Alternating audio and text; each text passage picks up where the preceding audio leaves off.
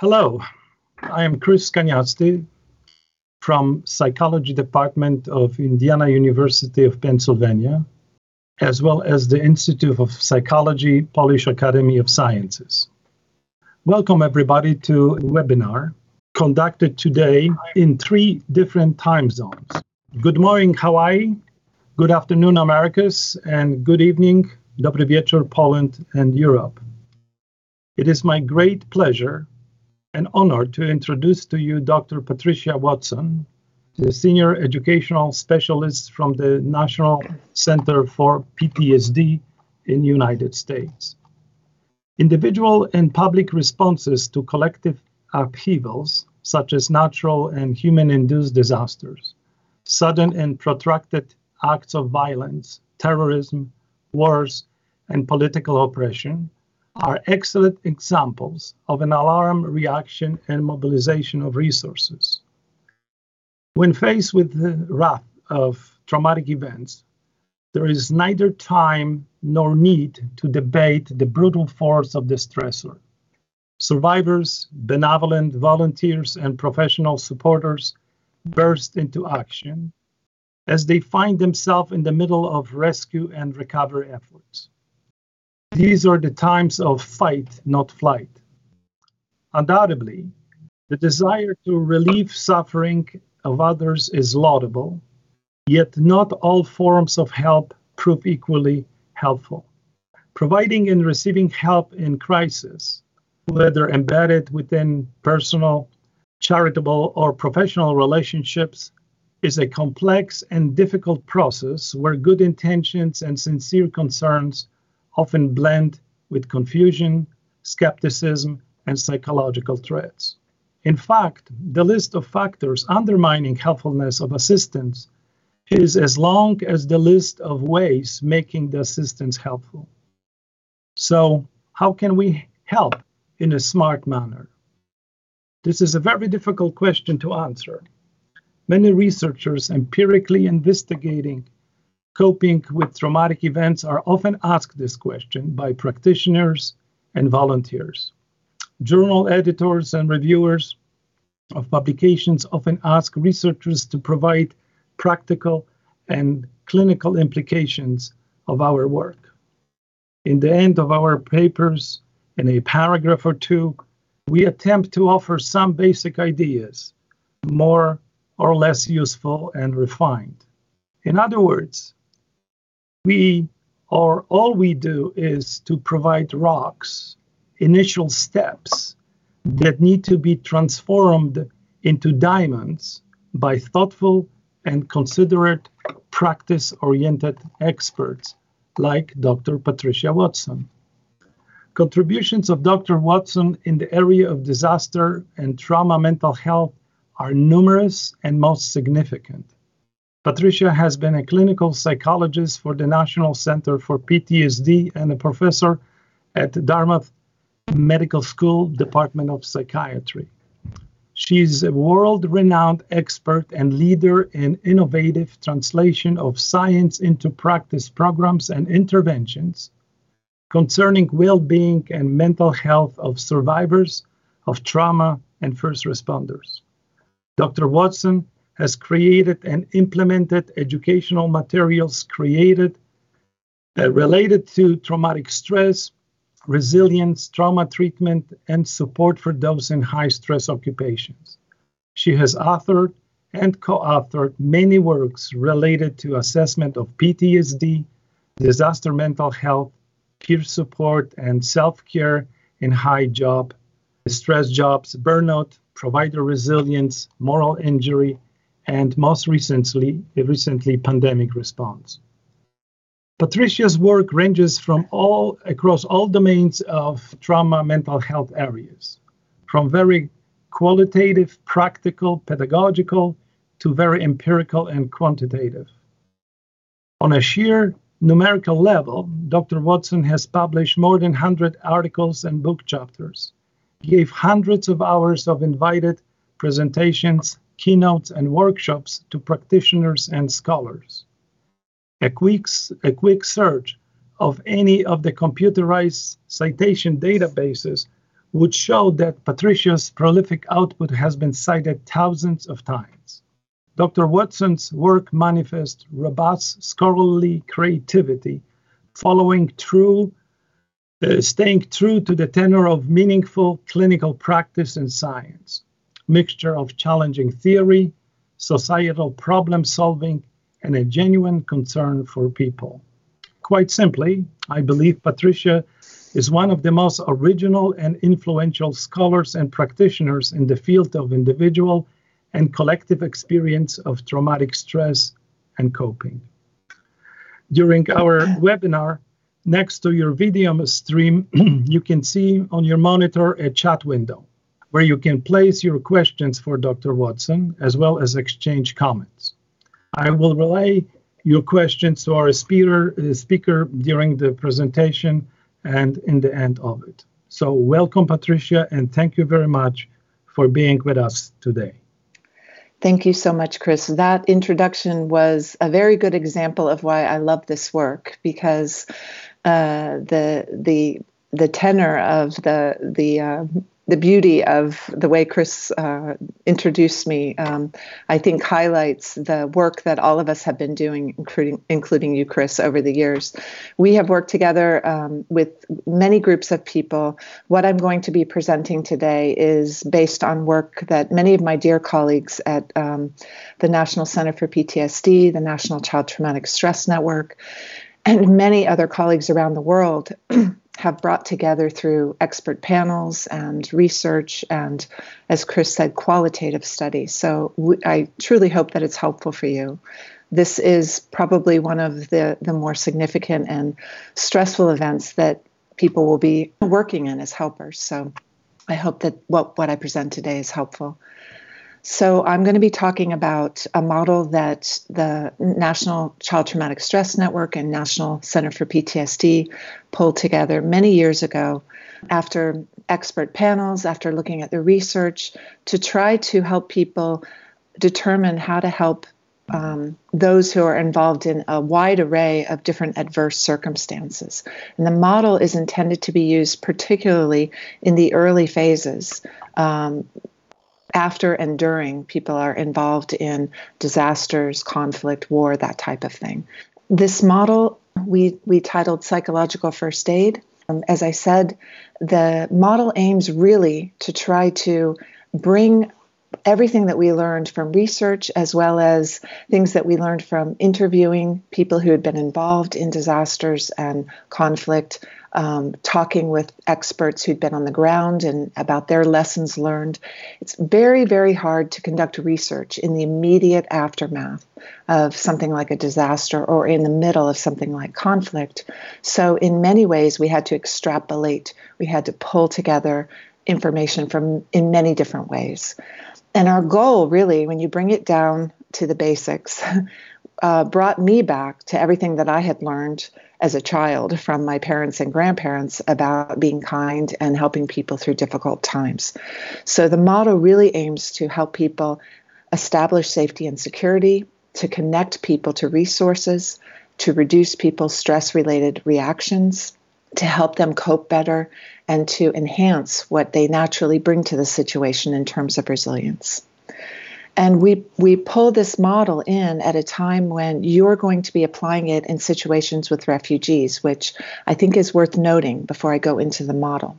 Because when you're working with people who have come out of a conflict or a war situation, you're dealing with people that have already been through long standing conflict many times. They're still in the middle of ongoing threat, whereas this model often is applied post disaster in your circumstances, people are going to be in the middle of a very chaotic circumstance.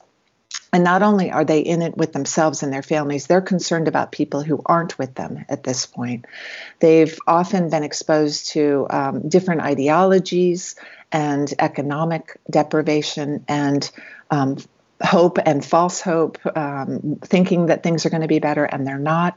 So you're going to be meeting with people that, in many ways, are, are highly um, uh, traumatized and or um, have experienced loss, um, have experienced um, confusion, and it might be difficult um, to engage with them because of all of these things. Next slide, please.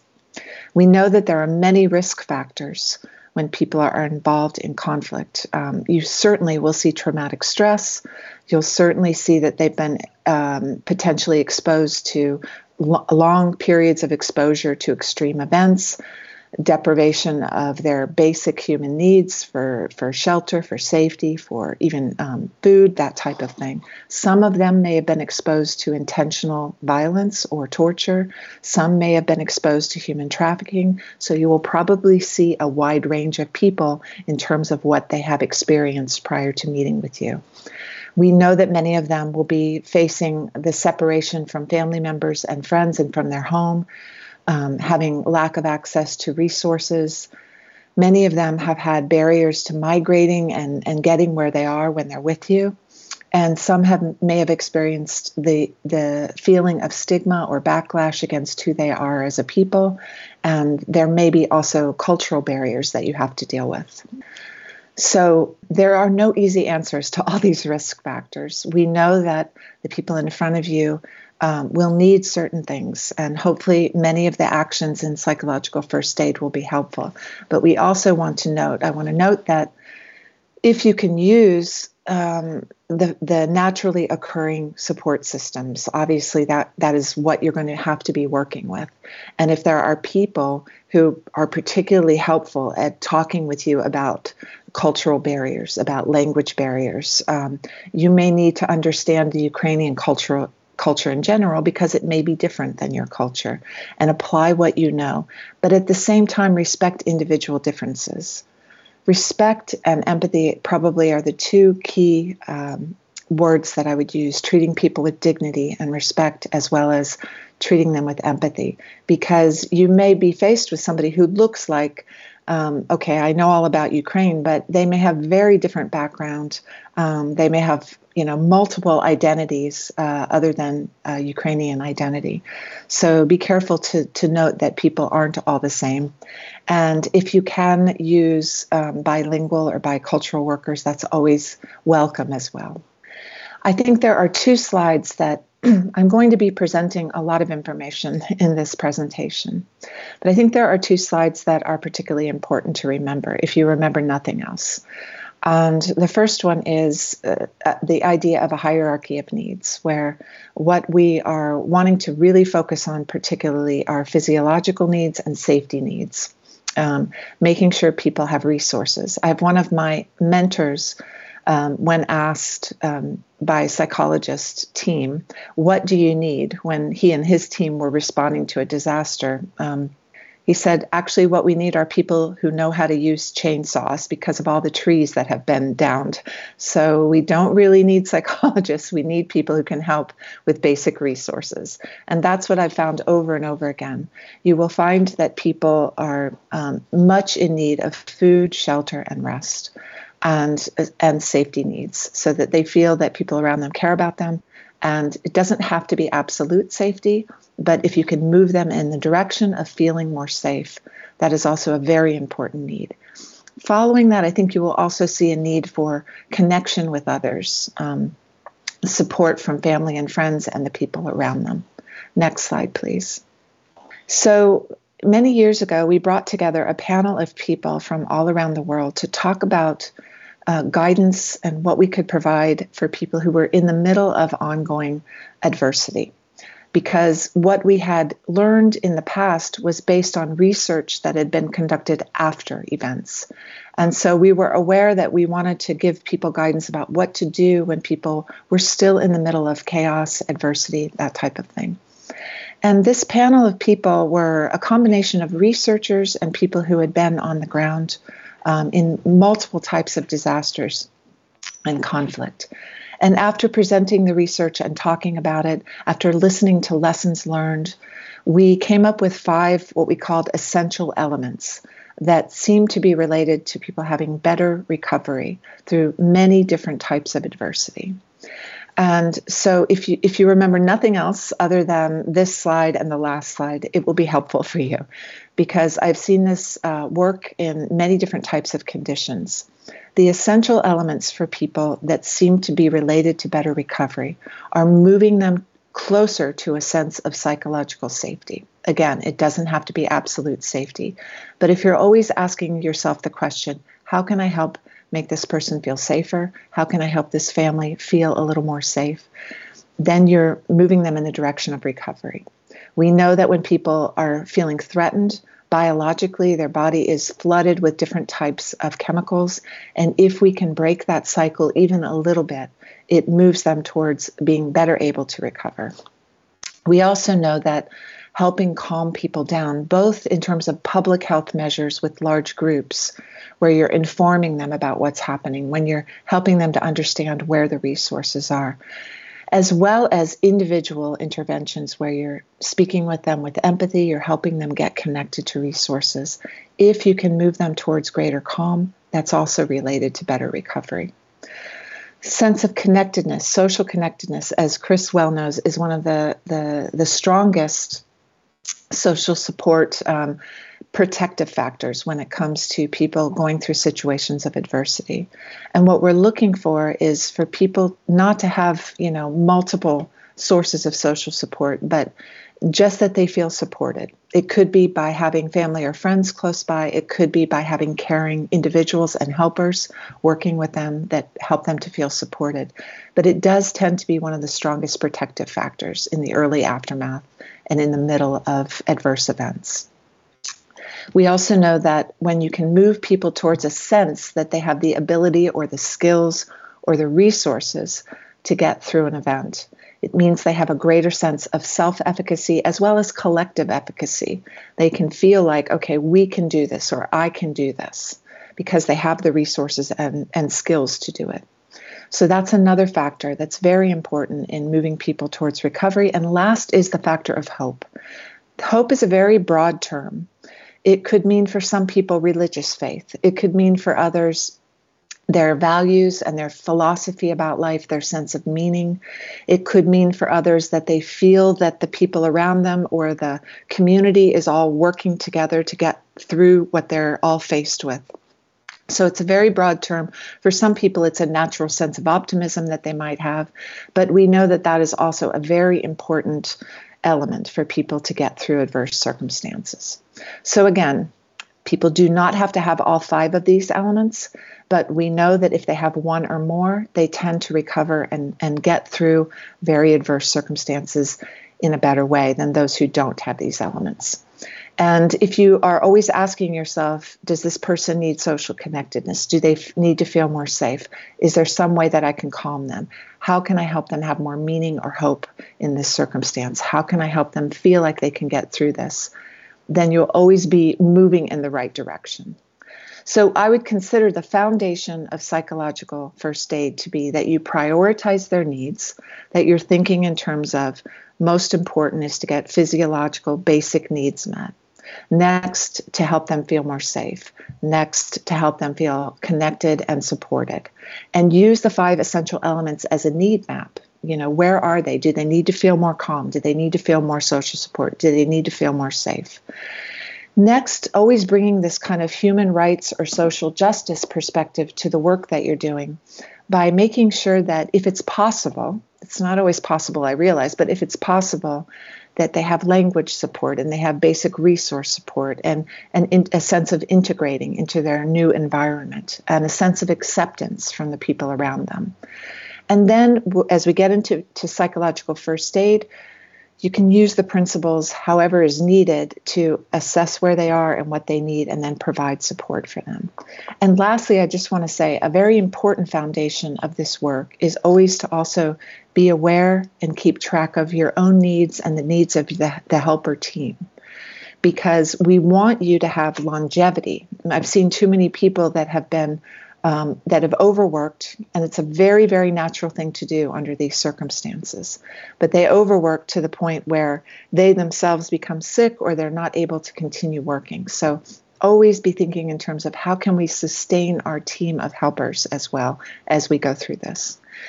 So there's a lot of information in my slides, and I believe what we're going to be doing is making the slides available to whoever needs to have them if you're watching this webinar.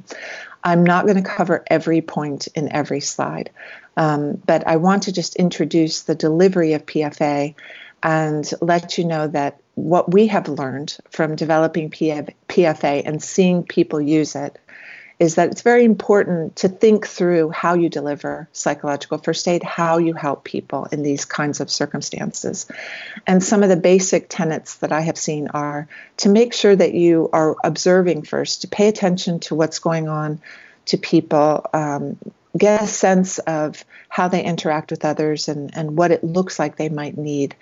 We also think it's very, very important to ask very simple, respectful questions. I'll go into those questions in detail in a moment and speak carefully, calmly. Your uh, presence as a calm person is often very much needed for people, just to have that presence of care and calm in yourself and patience, being responsive to what they say they need and being sensitive to what they you know you might think that um, that they need even when they don't know what their own needs are and then also, if there are any possible ways to acknowledge their strength or their resilience, not in a heavy handed way, but just simple ways to say, oh, I see, you know, you, you it, it's amazing to me that you're caring for your family or that, you know, you've gotten here and that you're, um, you know, I know that you've gotten through a lot. Um, simple little comments like that can also help remind people of their own strength. I also just want to briefly note that um, one of the um, I think, challenges that we've seen in our trainings for psychological first aid. One of the biggest challenges is when we have been training people that already have a mental health background. Um, I think one of the biggest challenges is helping them to understand what not to do. Because mental health professionals, in particular, have so many tools, they have so many strategies and skills that they bring to the work that they do. And I think one of the greatest caveats is to remember the context. Remember that people are in the middle of chaos, that it is not necessarily a time to um, move them into processing what has happened to them emotionally. So we want you to be very careful to to to make sure that you're not making any assumptions about their experiences, um, and and even assuming that everyone is traumatized is an assumption that I've seen people uh, bring to this. Many people um, will not be grateful if you're too probing and too, you know, wanting to know uh, exactly what happened to them. Um, if you make any assumptions about them, it can be off-putting for people. So we want people to feel understood and cared for, but without feeling like anyone is assuming anything about them. And also being very careful not to, to say words like your symptoms or your uh, you may have a mental health disorder or even talk about mental health issues necessarily. What we want to do mostly is normalize that when you've been through an experience like this, you may have reactions to it, and it's understandable that you would. Um, so, being very careful not to in any way imply that you're an expert um, and you're trying to teach them something. It's really um, something we have to remind people over and over again. So, in some of the um, guidelines that we've, you know, published in our manual and in other places, we just want to remind people to be honest, to be yourself, to be authentic and trustworthy. So, when you say you're going to do something, you do it. To respect people's right to make their own decisions, even if you think something might be good for them, it might not be what they feel they need at that moment. And to convey that even if they don't want help, it's still there in the future for them respect their privacy and their confidentiality, and do your best to adapt to their culture as well as their age and their gender. And um, in, in, terms of what not to do, we we hope that you can, you know, do your best not to make any false promises, not to um, give information that is inaccurate. That's not always possible in a very chaotic environment, but do your best. Um, not to exaggerate what you can offer to them um, so that they then become disappointed or to in any way look as if you're forcing help on people. You may find that many of the people you encounter do not want to talk or do not want to interact with you, and that's understandable. They've been through a lot and they may just want to stay with the people they know. So, um, pressuring anyone to tell their story is a big um, caveat, a big con- caution that we give to everyone. If they want to speak, that's another story. But if you are asking too many probing questions, it could actually potentially raise their distress. And we know from looking at some of the research on flexible coping strategies that when people are in the middle of chaotic environments, they prefer distraction to um, you know diving into processing what happened to them they prefer not to focus on what's going on inside of them it's a very fine line because later down the road processing we know is important. Talking about and integrating what happened to them is important. But in the immediate aftermath it may be a time when they just want to distract and focus on what's needed for them and their family and friends in the moment and not uh, delve into the past. So be careful not to judge any actions or feelings. Be careful that if you are sharing stories um, with others, uh, that you're doing it in a respectful way, only in the service of uh, getting help for people and not in any way exploiting your relationship. I know the last two seem very far fetched that you would exploit your relationship or ask for money or favors, but we add those in because that is an experience that some people have in situations like this, unfortunately. And because of it, people may not trust. So we we just put that in to be very clear. So, psychological first aid, um, we think that there are many beneficial attributes of the people that provide help in circumstances like this. I could probably just not mention any of these and say the most important attribute is that you want to help, that you care enough to help, because it's not an easy job. So that is most important. Um, but we also know that the the those who are helpers in situations like this, if they're good listeners, if they're patient and caring, if they're trustworthy, if people feel they can approach them, if they feel that you have empathy um, and that you're culturally competent in the sense that you're not making any assumptions about their culture, you're non judgmental and kind, that you're committed to, to doing the work, and that you're flexible. These seem to be characteristics that are very well suited for people providing psychological first aid. It doesn't mean that you have to have all of them.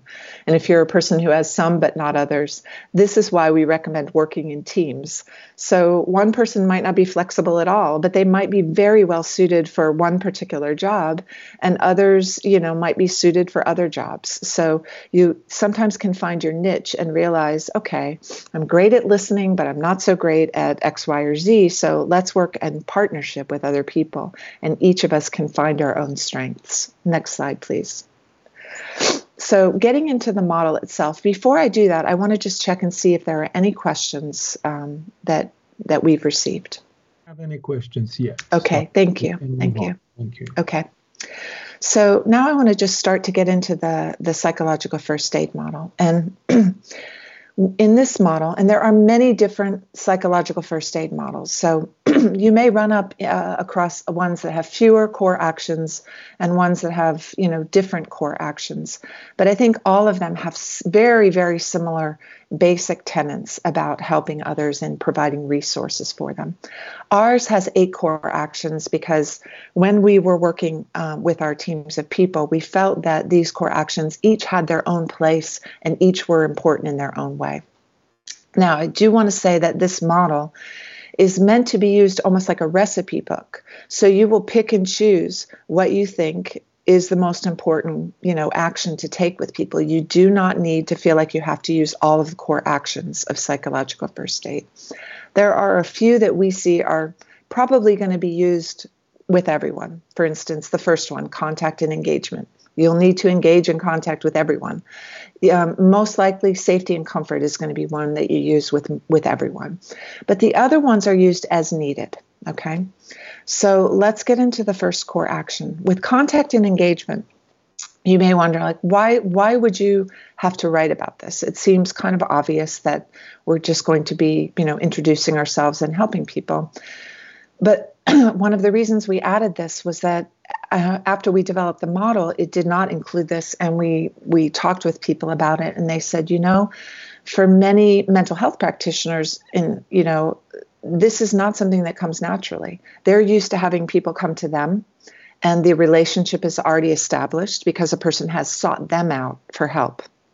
Disaster environments or in conflict environments, it's less likely that somebody is going to come to you for help. So, we wanted to give some basic guidance about the fact that you may need to outreach. You may need to go out and introduce yourself. Um, you may need to ask permission to talk with somebody because they may not want to talk. Um, and you also, I think it's very important to explain why you're there, what you're doing there. As you can imagine, the people that you're going to be working with have faced many people in their journey some of whom were trustworthy and others who weren't. So it's important that you explain your basic objectives. And another very important way to engage with people, excuse me, is that you ask about what their most important needs are and you aim to to meet those needs and that in and of itself will establish a connection and establish your trustworthiness i would say the key points about contact and engagement are um, to observe first, especially if you're in a shelter environment or if you're in a room full of people. Because one of the things that we have been very clear about in our writing about psychological first aid is that this was not a model that we developed with the goal in mind of that everyone needed psychological first aid.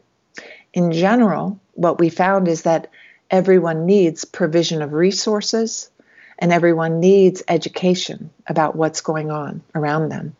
But psychological first aid was meant for people who particularly might need some extra support. Okay. So observing, making sure that you're really you're looking in an environment for the people that seem to need more extra support is what we would recommend. Otherwise, as a helper, you may end up becoming overwhelmed, feeling like, oh no, I don't have time to to offer psychological first aid to everybody. And that's the case. We don't expect you to offer psychological first aid to everybody. We expect you to choose people that might need extra support.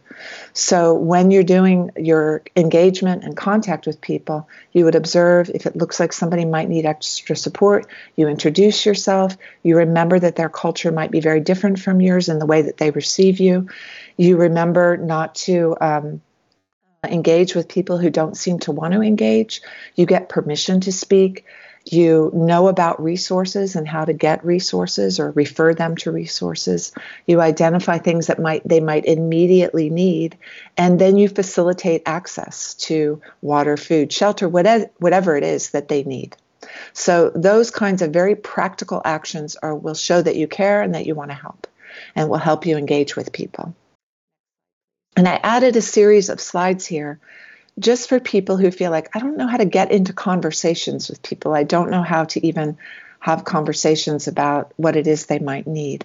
So I'm not going to go over each one of these points in the next few slides, but they're meant to be a resource for you if you feel like a person wants to talk or that you want to have a conversation with somebody but don't quite know how to get into it.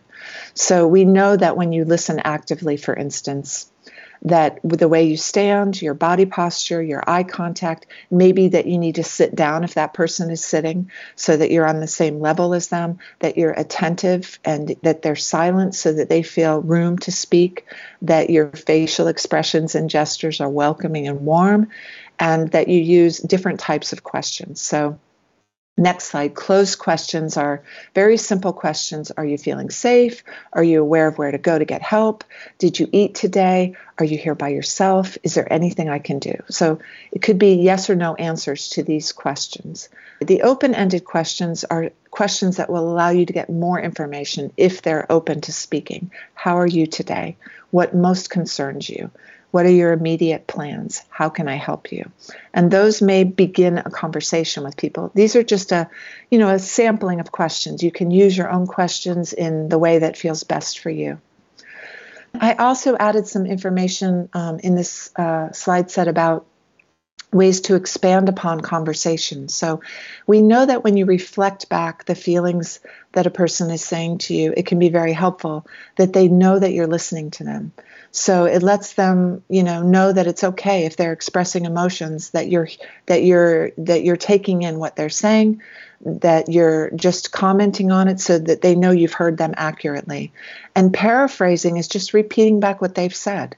And so if somebody tells you Uh, what they experienced and what they need, you just say, okay, so so what you're telling me is blah blah blah. You just repeat back with no interpretation, okay? And again, it just lets them know that you heard them accurately. Okay. And it allows them to confirm what you heard. It also allows them to provide additional information if they realize, oh, I didn't give them as, you know, enough information. Next slide.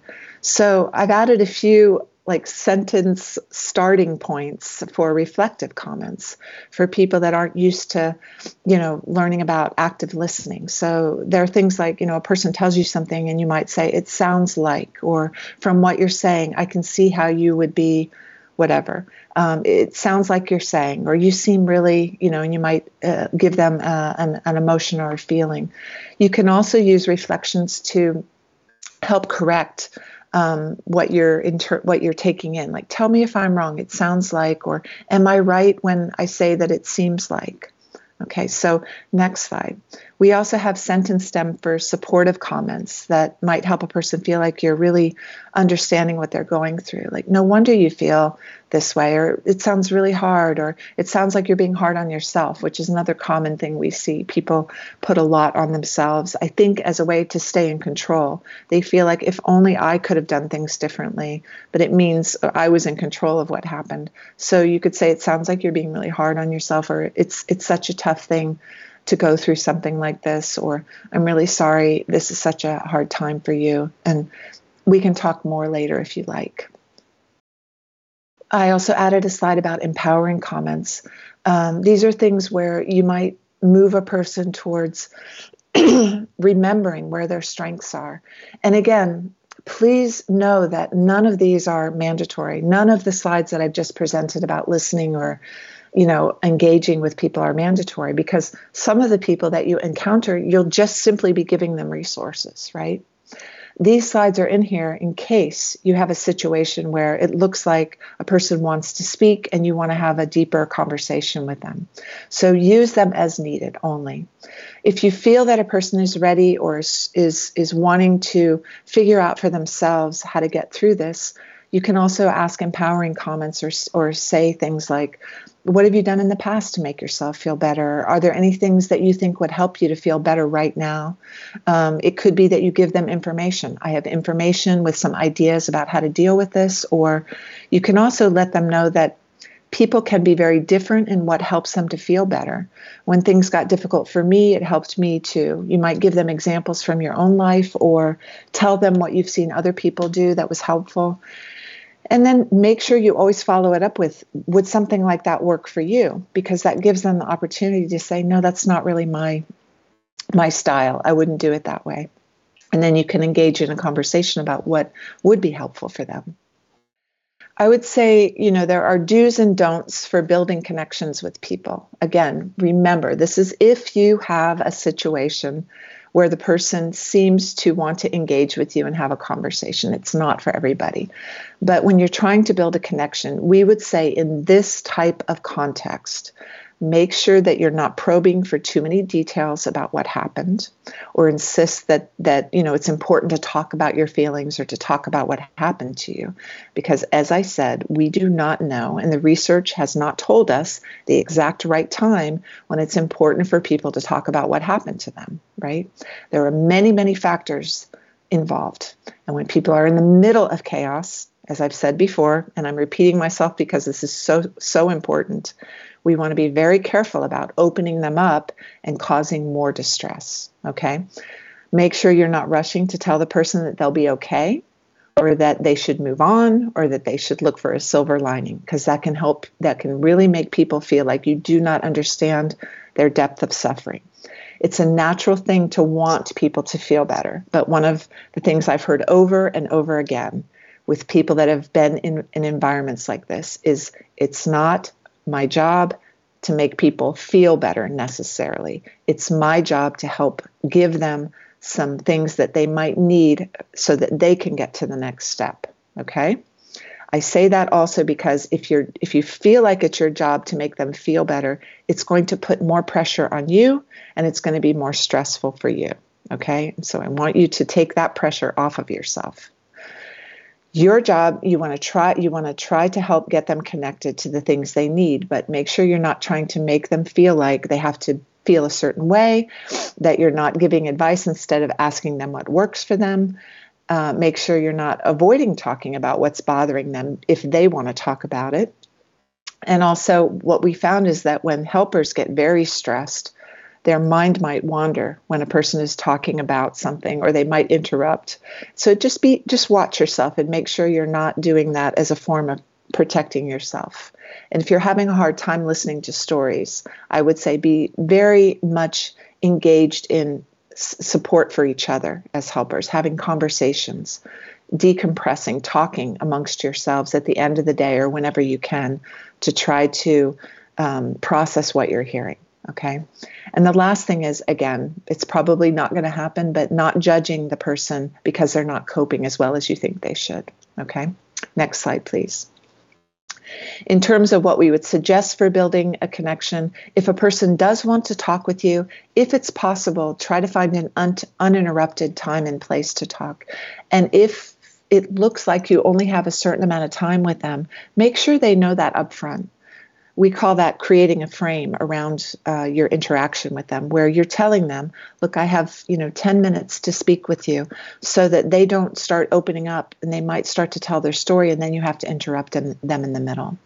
So let them know what your you know parameters are what your time frame is and if you can get them to a place where you're not going to be interrupted that would be wonderful. It's not always possible we you know these next few points are somewhat obvious for many of you i know but showing interest attention and care showing respect for their way of coping. Um, talk about the fact that they're whatever they're experiencing is understandable and it's it's to be expected given what they've been through. You may also add in some other healthy ways of coping that you've seen that are helpful for people. Acknowledge that the stress of what they're going through is hard and that, of course, they're feeling a certain way, and be free of any expectations or judgments. We've also seen it to be very helpful to help people brainstorm, you know, what to do next, how to how to get through this, how to cope with this. Always including that other person's viewpoint about what they think will work best. And conveying your belief in their ability to handle what's in front of them sometimes it, it doesn't take words. It's just the way you talk with somebody will let them know that you respect them and that you have a sense that you know they can get through this. And offer to talk or spend time with them as many times as they need if you're in a shelter and that's possible. So i've spent a lot of time on just the relationship that you have with people and how to interact with them because i think that's a that's a very very important foundation um, I've seen over and over again that if people feel that you're connected with them and that you understand them and you're seeking to understand them, oftentimes that is the primary uh, healing factor for people. Um, but I'm going to move now into um, our other core actions. The second core action is safety and comfort. Next slide, please. And in this core action, we feel like this is something, as I said, you'll be doing with everybody because it's so primary. This is about basic needs. You're going to want to ensure their physical safety as much as you can. I realize it's not always possible to be 100% uh, safe in environments like this. But you're going to be providing information about any kind of response that you're giving, um, any kind of response that your team is having, um, what activities are available, what services are available. You're going to be offering any physical comforts that you can and providing social comforts to link people together. Um, it could be that you're that you could say to somebody, oh, I know of somebody else who, who lived in your area and they're over here. Would you like to meet them? Or uh, it looks like there's a group of people who are talking about similar things. Um, let's get you connected with them. Um, and so you could, you know, be a person who helps bring people together. Um, if it's at all possible, we want you to try to protect people from things that might be uh, reminders for them. Um, that could be that uh, there, there's a particularly a graphic news broadcast that's on that they're all watching. And it could be that you distract them or remind them that if certain newscasts are very distressing for them, they may want to turn away or only watch a little bit per day.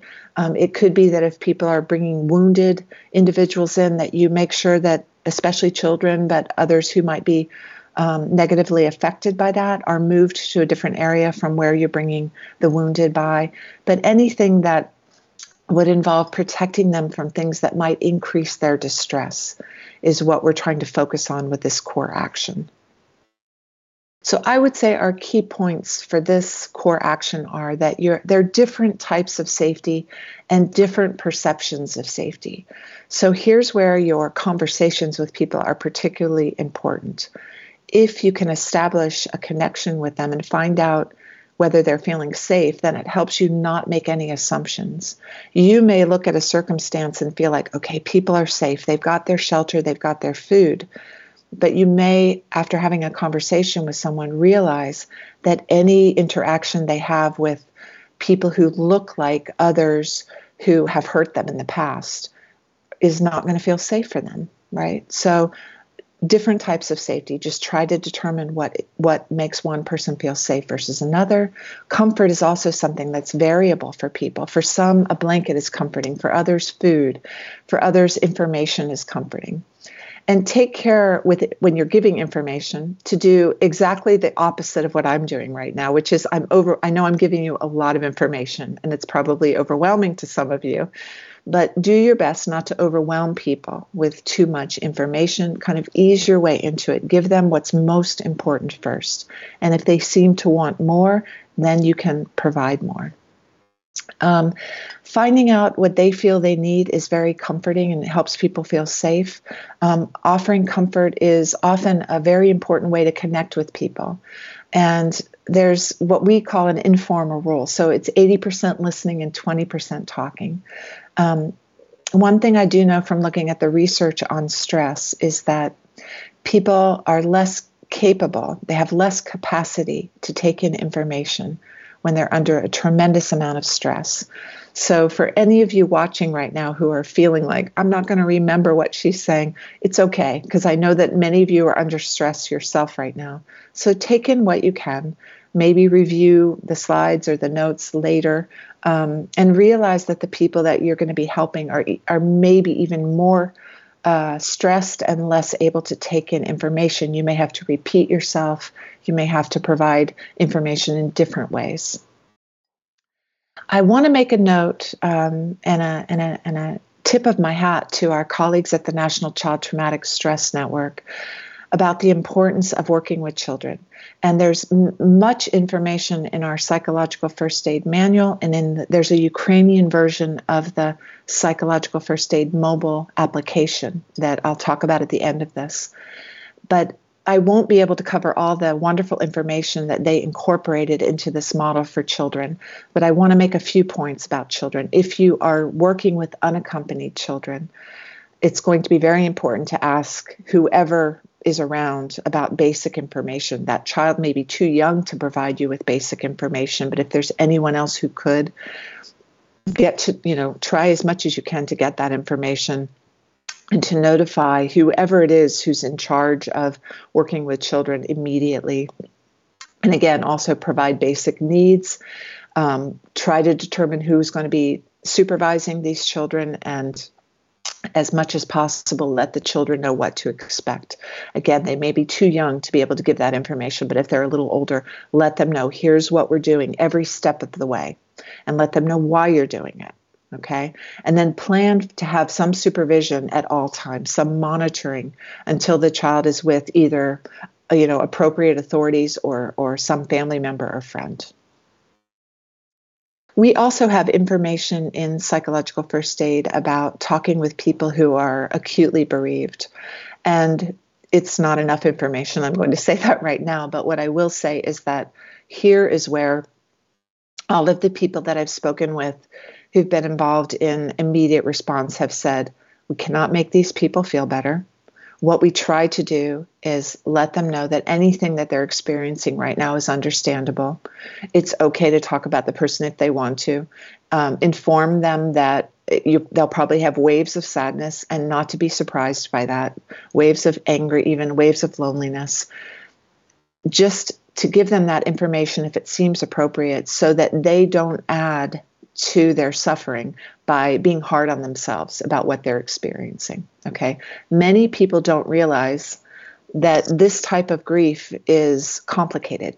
It's not the same type of grief as when you have a family member who's an older person and, and, you know you're expecting them to die and you have a period of time to say goodbye to them that's a different type of grieving process with this type of a grief um, it can be mixed in with post-traumatic stress symptoms and it gets complicated and so some people may even feel numb and then they're very hard on themselves i've seen because they're numb they feel like what's wrong with me i'm not feeling anything so an important role that you may have is to let them know this is a different type of grief. If you're feeling numb, it, it's understandable because it's also mixed in with the suddenness and the way the person died. Please let yourself have time to work through it in your own way. None of us are going to push you to work through it, but just know that each person is different in the way they grieve. Okay. And um, we're here if you need anything. If you want to talk, we're here. We're not going to push you to talk know that your journey as you go through this is going to be very unique to you and the way that you grieve is going to be affected not just by their death but also by the way they died and the circumstances around you right now so please be kind to yourself and please let yourself have patience for whatever unfolds okay um, you can also ask about what you think they might need in that moment offer practical supports but your job again is not to make them feel better or to um, help them process it by asking a bunch of questions. If they want to talk about it, that's another story. Then you're there to listen. So we've looked at the research with people who've been bereaved and they've given you know pointers. They've said we we don't appreciate it when people say this to us when we're acutely bereaved i you know the people that have been bereaved themselves have said they don't like it when someone says i know how you feel or it's good that they passed away quickly or it was their time to go um, i know that most people do this to try to make people feel better but it actually makes them feel worse um, or even you know let's talk about something else because you're afraid they're going to be too upset or it's good that you're alive, right? Most people that are acutely bereaved say this makes them feel like you're trying to feel better yourself and it denies their suffering. So, what they prefer is that you're just there. You listen when they want to talk, you don't try to stop them from talking if they want to talk, um, that you just let them come to some of these. Um, you know, like that it's good they're alive. They let them come to that themselves. don't try to impose that on them and I also just want to note that, uh, you know, our team also wanted to include a little bit about spiritual issues, religious issues that might come up with people who are grieving. Um, they may want to talk with somebody who's a specialist in, or a, a chaplain, or a priest, or a minister, um, because for them, grief is very, very closely tied to their religious faith or their philosophical beliefs. And so, um, don't expect that you're going to be able to provide that for them, but do your best if you can to see if you can have somebody there who could provide that for them. And if they're talking about grief in the context of their own religious beliefs, also do your best not in any way to say or do anything that might make them feel that you're judging them for their beliefs or that you're contradicting them or correcting them. And if they want to pray or meditate or make some ceremony to give meaning to their loss, then your job might be to help them find a place or a way to do that. So I want to see if there are any questions about either contact or engagement or, or safety and comfort before I move into the next. I understand there will be more questions at the very end. Okay, great. Great. And one one thing that someone asked, Yolita asked, if there will be a link to the manual and, and other resources at some point, I suppose you will. Absolutely. Yes, that's our hope that that the the providers of the organizers of this will be able to to take the manual and the slides and um, you know other resources, uh, a link to the the mobile app, and we'll ha- make that available for you because there is a lot more information in our psychological first aid manual than I'm able to convey today. So I would encourage you to read that if you can. Thank you. You're welcome. Um, so the next core action is stabilization. And I would say that this core action is one that you're probably going to be less likely to use than some of the other psychological first aid actions. But if you do need to use it, it's very important. So, the goal here with this core action is to calm and orient people that are either over emotionally overwhelmed or distraught or um, looking like they're uh, dissociated and, and kind of in another world or out of it. So I would just say the key points for this are that your presence itself can be of help to people um, who are experiencing distress. So the way that you breathe, the way that you stand or sit, the way that you're relaxed versus you know maybe leaning into their space or maybe you're anxious and it shows um, slower talking more calm in the way that you are with people that in and of itself can be very calming for people i would I repeat again, most people will not need stabilization even if they're crying, even if they're upset. Okay. So it's not your goal to stop anyone from crying. It's your goal to just make sure they're not becoming overwhelmed by it or they're they're so distraught that they're they're um, you know in danger of uh, uh, feeling worse and worse because of their own reaction. So it's not about stopping people from crying or being upset or even angry, right? It's just if it looks like it could be helpful for your presence or for your guidance, then this is where we talk about stabilization. We know that people will react very differently to what they're going through. And one of the other things that I've seen with mental health providers is that those who are used to working with people months or even years after an event aren't always familiar with the extreme kind of intense emotional reactions that occur early after a loss or a trauma, right? And so they think that, oh my gosh, I have to help this person calm down. Not necessarily. Sometimes those extreme, what appear to be extreme reactions, are a natural part of the healing process. And so your goal isn't to stop them necessarily, okay? Um, so you probably want to take your cue from that person or the people around them. If it looks like they're escalating and it's distra- distressing to the people around them, that might be where you come in. If it looks like the family or the people around them are helping them to calm down, they might not need your assistance at all. Okay. Um, some of the signs that they may need stabilization are that they're, you know, exhibiting these strong emotional reactions that feel like don't have any support from people around them or they're uncontrollably physical they're you know throwing things or they're wandering searching frantically. Um, on the flip side as i said you may see people that look kind of glassy-eyed and vacant or unresponsive or disoriented. So these would be signs that you that you might want to step in and see what you can do to help. Next slide. And you know we give some basic steps and i'm very well aware that these steps might not be enough for everyone, right? So it may be that you need to refer them to a psychiatrist or a medical practitioner if they need some medication of some sort. But we try to take it a step at a time and start with this um, to see if this can help before you take the step of medication. So we want you to respect their privacy, um, help them to be private if they're really feeling like they're highly distressed. If there's any way that you can get them separated from onlookers who are making them feel worse, that might be helpful. Sometimes giving them a few minutes to calm themselves down is helpful, but just remaining nearby and, and letting them know you're there if they need anything. We've had people just give people tissues and sit and sit near them. Not even talk to them, but just give them tissues and sit. Tell people that you're available if, if they need you or that you'll check back in with them. Um, you could offer support and help them focus on things that are in the moment to get them grounded um, what they have control over, what they can manage in this moment. Maybe you could enlist support from family and friends to just sit with them and be quiet and support them.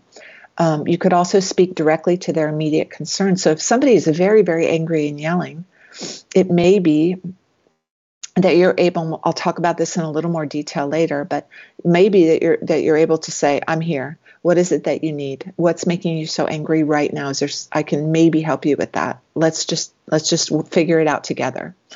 Um, and you could also give them information that orients them to the surroundings, particularly if they're having some remembrance of something that's causing them to be upset. You can just look at them and say, I want you to breathe with me. I'm here with you. You're in the shelter. You're surrounded by people who care about you. There's things, let, let's see if I can get you something that will help you right now and we have some basic guidance about grounding in the in the model where you ask a person the idea of grounding is just basically to enlist a person's senses to get them in the present moment especially for people that are upset because they're thinking about things that have already happened to them or worrying about things that might happen in the future. So you're getting them to look at you, breathe with you, orient themselves to what's going on in this moment, and to use as many of their senses as possible to get them grounded in this moment. So you can do this in whatever way that you think makes sense. We have, you know, we we have in our manual name five non-distressing things that they can see, hear, and feel in this moment. With children, you might use colors that they can identify in the in, in the immediate environment. It may be helpful for them or you to talk about any aspect of the situation that's under control at this moment or that's hopeful at this moment.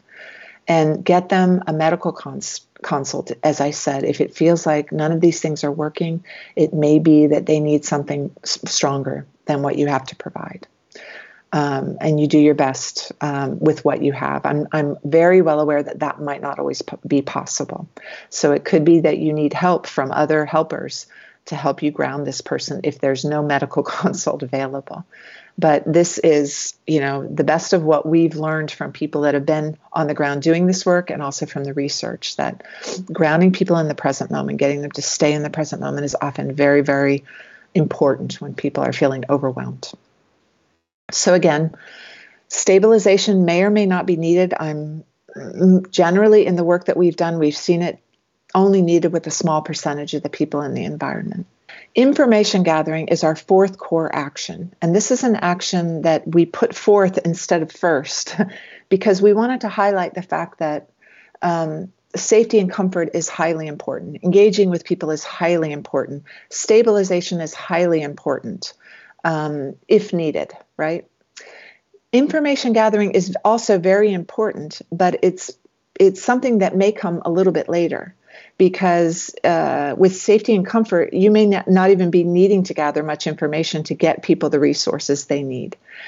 But we also feel that information gathering can be very important. So the goal is as and, and there's overlap amongst the different core actions, but the goal with information gathering is again to identify immediate needs and concerns, immediate priorities in order to tailor what you do next.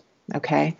And um, if a person needs a referral to some specific person, if they need additional services beyond what you can provide, or if it can help you figure out what you can do for them. That's what information gathering is about.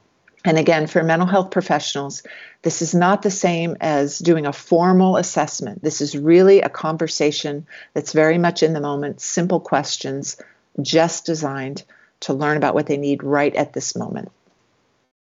So I would say the key points about information gathering is that it can it can also be indirect. You can get information just by watching people and observing them, and you can note, you know, okay, I think what they need it looks like they need a blanket, or it looks like uh, they're looking around for water, and I can get that for them, right? You don't necessarily need a questionnaire or to have this be formal in any way. What we hope is that what you know and how you communicate information in and of itself is calming for people, right? You might be asking just the right questions that let them know, oh, there are resources for me because they're asking me if I need this, this, and this. And that's calming for people, right? We also would say that if you don't know something, if a person asks you a question and you don't know the answer, don't try to fake it. Just say, I'm not sure about that, but let me see if I can find out for you. And that way they can come to trust you that if you don't know something, you'll tell them that. And I don't think people expect you to know everything in an, in an environment like this. You also, um, again, think in terms of this hierarchy of needs. Determine, you know, what their what their immediate needs and their safety needs, particularly determine that first. As you listen, if you have a conversation with them, also, if you can get a sense of the strengths of this person and the resilience of this person, that's also important information. One of the things we've seen quite frequently is that naturally in shelter environments or situations where large groups of people come together, oftentimes natural resilience will come to the surface and people will end up supporting each other. So if you get a sense that the person you're talking with has particular skills or abilities or experiences that could be helpful to others and they're wanting to share or help, that's a great way to empower them to, to have them feel like what they're doing has meaning for others. Oftentimes, people, when they help others, feel like, okay, I have some purpose. So that's another important thing to listen for.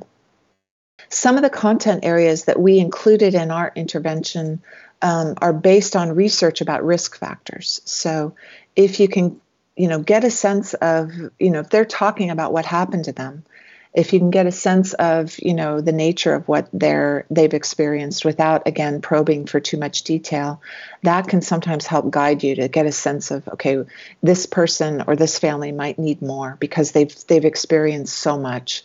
And so if i can get them connected to additional resources i think that would be helpful. Again if if they have a loss situation deaths of loved ones or if they're concerned about uh, upcoming events or the, the current threat, if they have separation from others, that we know is also a risk factor. If they have family that are still separated from where they are, if they have a history of physical illness or mental health conditions, or if they have current physical illnesses or mental health conditions, or need for medications, right? Some people might be diabetic or have other medication needs. That's a risk factor as well. And also, you know, get a sense of the different types of losses they may have experienced. Again, these are not areas where you have to ask everyone these questions, not at all. This is just kind of a map for you that if you're having a conversation with someone who seems to be able to engage with you and want to talk more or they have greater needs, these are things to be thinking about as risk factors. And however it feels uh, that you can get this information in a way that's not intrusive could potentially be helpful to guide you in your efforts. So, just a note about clarifying experiences. And I, I know I, I've harped on this many times. I've repeated myself about this because it's so important. So, we want you to avoid asking for a lot of in depth description about potentially highly stressful experiences. Follow the lead of the person that you're talking with not pressing them to disclose details about highly distressing experiences, but if they want to talk more fully, tell them, you know, if you have time for it, great. If you don't, and they're starting to open up and just talk about great in great detail about what happened to them, you may sometimes need to stop and say, for right now, we're trying to get a sense of what your needs are in this moment. And there'll be a time and place to talk in more detail, I promise you. One of us will come back, and when we have more time, we can come back and listen to you. But right now, we're just trying to get a sense of what you need in this moment. Make sure, again, that, that if they want to talk, that you're not letting them open up and then having to shut them down. And we also have seen for people in shelter types of environments that one of the things that's frustrating for them is that they feel that people come around and the same questions are asked over and over and over again. And for them, that is stressful. So we want to avoid doing that. So any question you ask has to be very much tied to immediate concerns, immediate needs, immediate things that you can provide for them. We want to avoid people feeling like the people around them are just asking the same questions over and over again. Okay? Next slide. Um, again, I'm just with clarifying experiences. Um, this is just more detail about what I just said. So um, you're going to do your best to get them connected with someone who can listen or help them if they do want to open up. Next slide, please. Okay, I'm going to just pause and see if there are any questions before we go on. I know that we're going to ask at the end, but if there's anything specific let me know. There are actually several questions, but I think it will be better if we address them after because okay. they're very general and and uh, they Great. relate to many core actions that you already discussed. So. Okay, thank you. That's great. That's great. Okay, so our core action number five, I think, is one of the core actions of Stress First Aid that is the one you're going to be most likely to use. Okay, this is practical assistance it links back to that comment that I made about the provider that I know who said, send people who know how to use chainsaws to cut down trees, right? Practical assistance, basic human needs. This is, I would say, if you can provide this, one of the most important things you can do for people early on. Okay. So, a part of this is helping identify what they feel they need, clarify that, and help them to also plan for getting resources because you're not always going to be able to provide those resources for everyone. Again, we're also trying to preserve your health. So don't feel that it's your job to provide everything to everyone, okay? Part of practical assistance in our model is helping p- empower people to be able to get their own needs met. Next slide. So I would say that, again, identify what they need, help them clarify. If they're unaware of their needs, you might help them be aware of resources, right? Okay. If they're kind of in a daze, you can say, I understand. You probably don't even know what you, what you need right now, but I, let me tell you what's available. And then you can tell me if you feel like that would be helpful for you. So you help them focus um, on what can be achieved in this moment.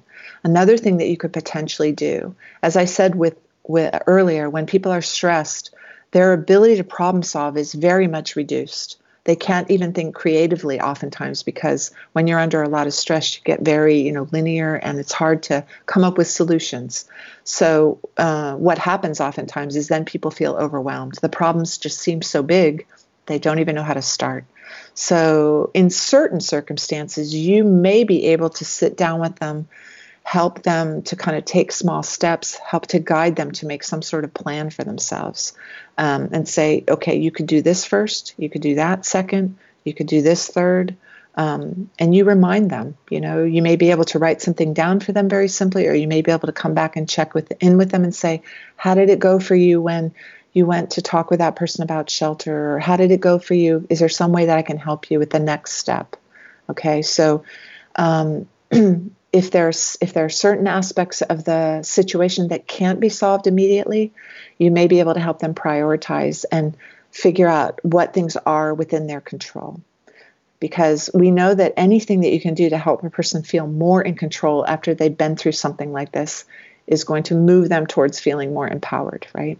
For some people, it's just a matter of controlling their own breathing. That's the only thing they can control, or controlling the way they think about this might be the only way that they can they can control something. It's all you know what they do with within themselves.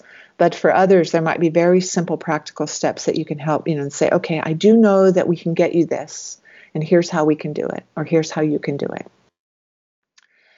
So practical assistance to me is is probably something you'll be doing with everyone. Uh, connection with social support, again, there's overlap with this core action because actually you providing support is social support and it oh, it's an umbrella over everything you do. So that's a form of social support. But we wanted to to pull this core action out because you also may play a role in helping get people connected to their preferred social support. You know you may be able to enhance uh, primary support. Um, you may be able to get people connected with others in their immediate environment.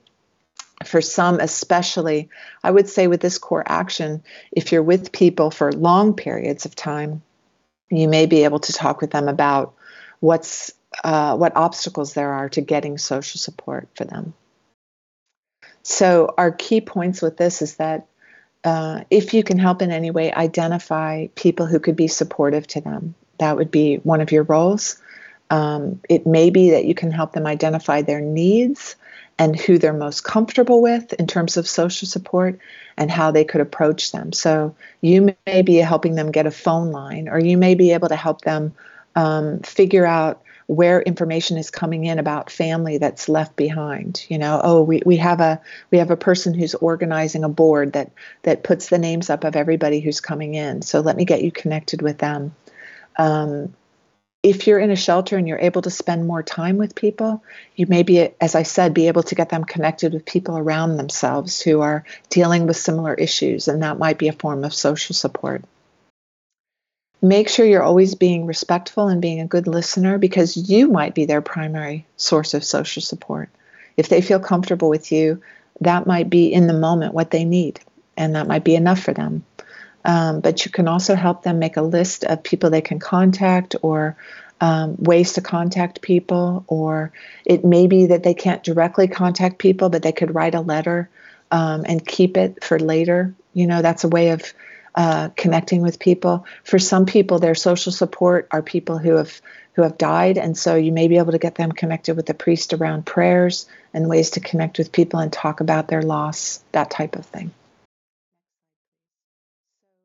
as I said, if you have more time with people, say you're with somebody in a shelter for weeks or months, for people who are really isolated or withdrawn, you could have conversations with them asking them, okay, what type of support do you think would be most helpful? There's lots of different types of social support. So, practical support, advice, um, feeling included, Um, being with people who you know understand what you're going through is another type of social support. So you may be able to just have conversations where you ask them questions. Who are people immediately who might be helpful for you? Who might be a good role model or somebody who's been through something who could give you advice? Uh, what would you like to discuss or do with uh, people or what's the right time and place to approach somebody for support some people might be wanting to give support to others and you could help them with that too what's the best way to do that um, how can they do that so again this is about being creative and helping people brainstorm with what is possible not bringing their hopes up but helping them to focus on what is possible at this moment Okay, I know I'm going through these core actions really quickly. Um, it's a short webinar, but I hope um, some of these core actions are clear to you. This core action, core action number seven, is actually our longest core action in the manual. And my belief about this is because we were a bunch of mental health professionals who put the manual together. So we had a lot of thoughts and ideas about what we hoped we could convey to people about coping. Okay. And so we have simple, simple, simple strategies about different types of coping ways to cope and different types of things that people might face. I will not be able to do this justice in this short amount of time. So if you want more information about coping, there is more in the manual and as well as um, I think in the mobile app as well. So, our goal with this core action is to provide information to people about what they might expect to experience in terms of stress responses, as well as different ways to cope. Okay. And in the manual, you'll see specific information about um, how to deal with reminders, for instance. And there are lots of different reminders you might see in people. They're reminders of trauma that they face, they're, they're loss reminders where this is what we know about uh, parents who've lost a child. It's often that those marriages are the ones that end up in divorce because the the couple themselves become reminders to each other about the loss of their child. So it's very very hard for them every time they see that other person it reminds them that they lost their child. So the person in front of you might be surrounded by loss reminders if they have family or or friends around them. Um, change reminders, just the fact that we're in this very, very different environment. And every time I look up and, and see the Ukrainian flag, it reminds me of what a great change and upheaval we've all been through because we're no longer in our country. So the odds are they're going to be faced with reminders in their environment as well as reminders inside of themselves, like even having a faster heart rate could be a reminder of trauma. So, your goal might be to just explain to people um, there will be reminders, and they could put you into a place where you feel distressed and you don't even know why. So, we have information in the guide about reminders to help people prepare for them and at least feel a little bit in control, knowing that they will happen, and there might be some things they could do to get ready for that. We also have information specific to certain developmental issues that are common after disasters, like children who now want to sleep with their parents who maybe didn't before. And we say we think that's okay for a period of time to provide that extra support for children. We have some basic information about anger skills that I will go over in a minute. Um, we know that it's very common for people when they go through experiences like this as I said before, to feel guilty or ashamed of their own reactions, of their own way that they handled things. They wish they could have done more. They wish they had done things differently. And I think it's very, very important to let people know that that happens commonly. It's understandable because, again, it puts them back in control of things and to help them see that none of us are at our best when these things happen. Um, and it's really, you know, expectable that they would have done things a certain way, and to be very careful not to not to add guilt and shame to what they're experiencing right now. We have some basic information about coping with sleep problems. This is one that I have little hope that it's possible to help people with sleep problems in the environment that they're in. You may be able to help them with earplugs and eye shades or uh, talking to themselves or listening to mobile apps that guide them into sleep. But um, it's very, very hard because there's so many uh, factors that will interfere with their sleep. But we do have some information about that. We also have some really basic information about alcohol and substance use. Again, we're not talking about psychological first aid for people who've been drinking lots of alcohol for many years. All we're trying to do with psychological first aid is to say, just pay attention that you're not increasing your your use of some some of these substances to the degree that it's causing more problems for you. That's, you know, our focus is always on the needs of that person. And we're trying to ask them, is this working for you? Great. If it isn't working for you and it's creating more problems, let's talk about it. And maybe we can figure out some other ways that we can help you with that um, that won't create these additional problems around you. So, with this core action what we what we recommend is that you build any discussion that you have about stress reactions or coping around that person's individual reactions. You know find out you can open a conversation and say you know a lot of people in situations like this are experiencing a multitude of different stress reactions. Is that true for you? If so, you know, what what are you feeling? You know, and you can educate them a little bit about the different types of stress reactions that are common and find out for them particularly what they're experiencing. And then you can then go from that to talk about the difference between coping actions that might have negative unfortunate negative side effects versus coping actions that we know are more positive. So I want to just briefly talk about this because what I found when we've worked in multiple different types of disasters and situations where people are in, you know, intense chaos is that sometimes what helpers do by way of trying to normalize stress reactions it's almost as if they give people a menu of potentially bad things they could experience. you know, it's common for people to feel this, this, this, this, and this. And then they leave the person with the sense of, oh my gosh, I'm going to have all these stress reactions, right? What we want to do is we want to normalize, but we also want to give people a range that it's not only negative reactions people have. You can say to them, you know, we know that our minds are affected the way we think is affected. And so it, it's common that we we see people have intrusive thoughts. They sometimes worry, they blame themselves.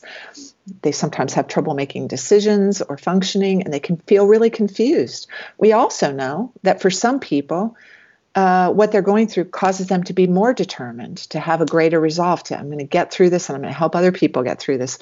For some people, it actually makes them sharper because they're so in the moment of like, okay, there's certain things we need. I'm going to make sure we get them. Uh, for some people, they're, they're, they have a sense of, being inspired by others, uh, feeling, okay, I'm going to get through this in my family, and look how courageous they are. So it gives them a sense of optimism that everyone's pulling together. For some people, it gives them a stronger sense of faith and they feel like, okay, we're going to get through this with God's help. Whatever it is, you just want to let them know that, yes, the way we think is affected, but it's a broad range of possible uh, uh, reactions they might have. Same with physiology.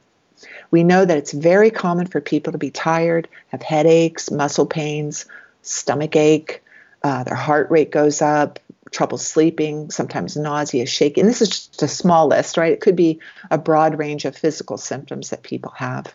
We also know that stress can make people feel more alert, more ready to respond, have increased energy and adrenaline. So make sure people know there's a broad range. The next category is emotions, right? People feel shock. It's very common to feel sorrow, grief, guilt, and shame sadness. These things are very understandable. Anger is very common. Of course, people feel angry. Feeling numb is also very common. As I said before, let people know that might be something they feel and not to feel bad about it. Numb, numbness is a very, in some ways, uh, uh, understandable protective reaction to, for people. So when they're when they're overwhelmed by what's happened, their body and their brain just says, "Okay, we're not going to feel anything," and it's very understandable and sometimes very protective. People also feel irritable or fearful. But again, inspiration is there, feeling involved, feeling like a sense of mission and purpose, feeling this positive challenge and mobilized to help their people around them, and feeling gratitude for some people is another common emotion.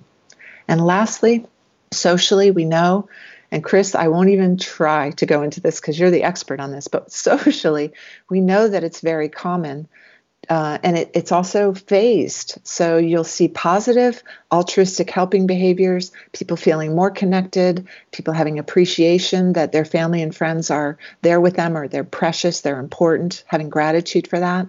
Particularly early on, we see these kind of positive social reactions.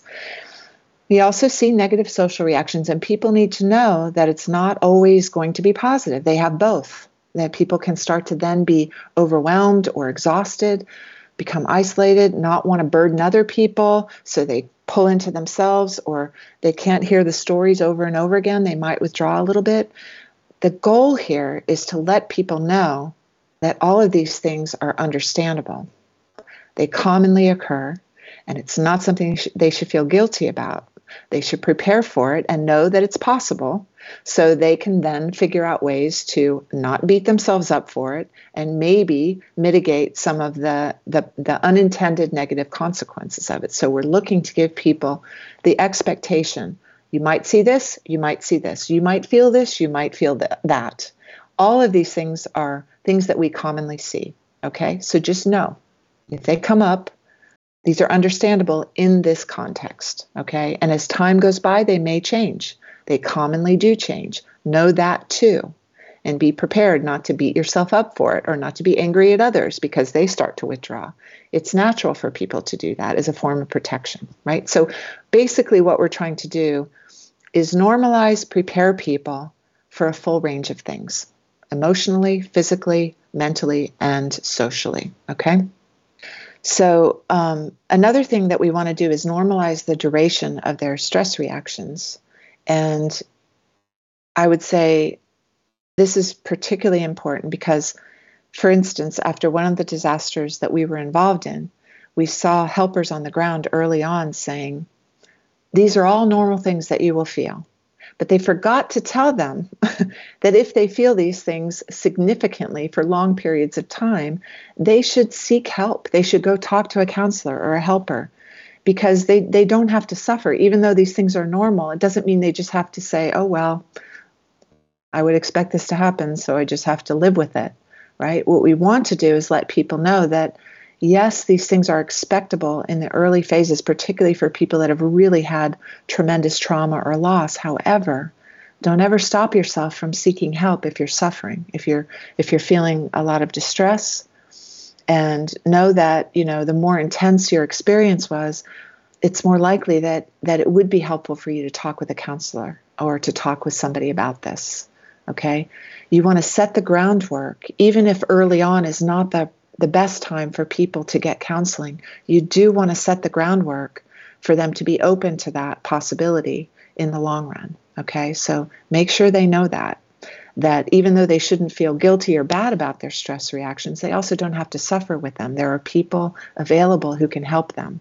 And these are people who are trained, and we know that if you if you catch some of the post traumatic stress reactions early on, you can you can prevent this kind of spiral downward that happens with people who are trying to coping cope on their own, not able to, and other things start to to kind of fall apart over time. So we want to set people up to seek help if it if it if they think it will be helpful for them and and let them know that that we think it will be helpful for them. Um, so I just want to briefly talk about I, I actually don't like the word negative coping. I, I, I wanted to, to couch this by saying what this means is that people naturally cope in different ways. Some of those ways of coping can have unintended negative consequences, right?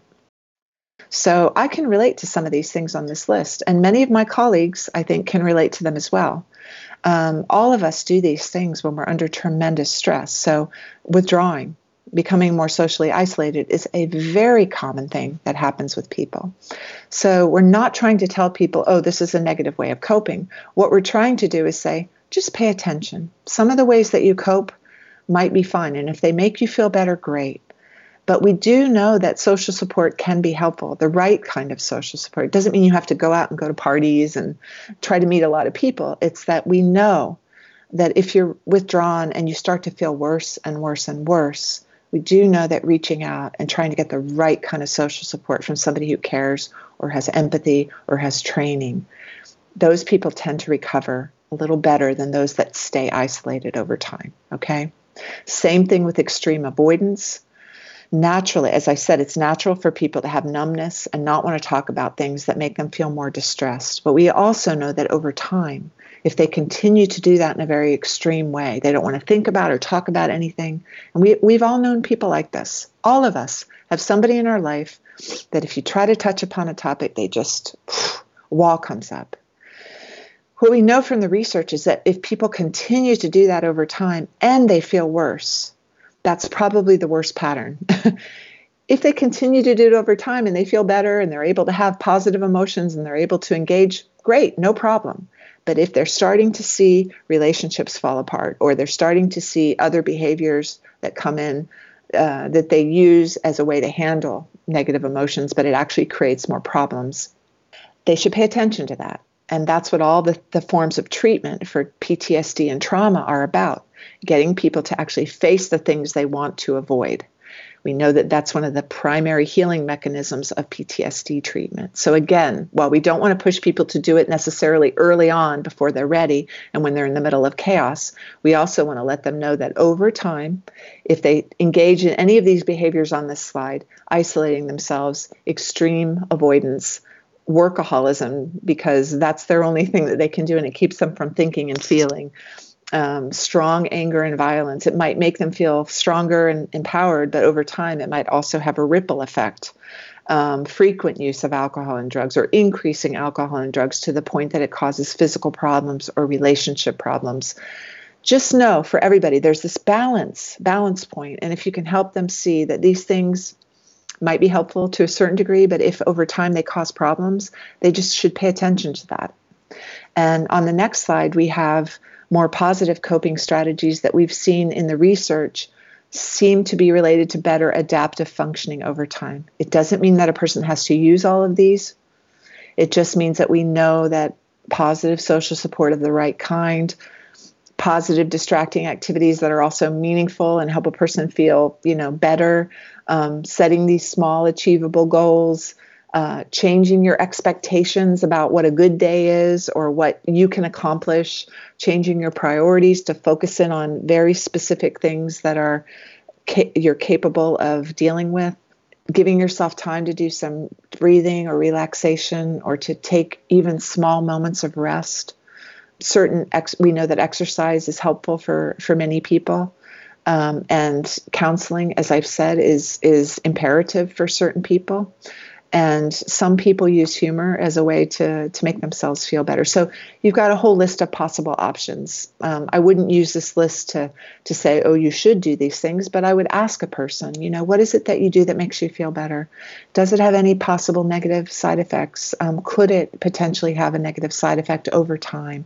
Um, could we think of other things? Here are some things i know are helpful for people. Do any of these seem like we could start to build them into your schedule. Do you think they could be something that would be helpful for you? Again, always checking in with the person about their preferences. So, I would say the key points about information on coping have to do with helping people to recognize and normalize a, a broad array of ways of reacting. This is helpful for people themselves because they'll stop blaming themselves. And it's helpful for them to know that they might have stronger reactions than other people around them because they had more loss or they had more exposure to trauma or they've been going through this in a, in a longer way than others. So they stop comparing themselves to others and feel like there's something wrong with them.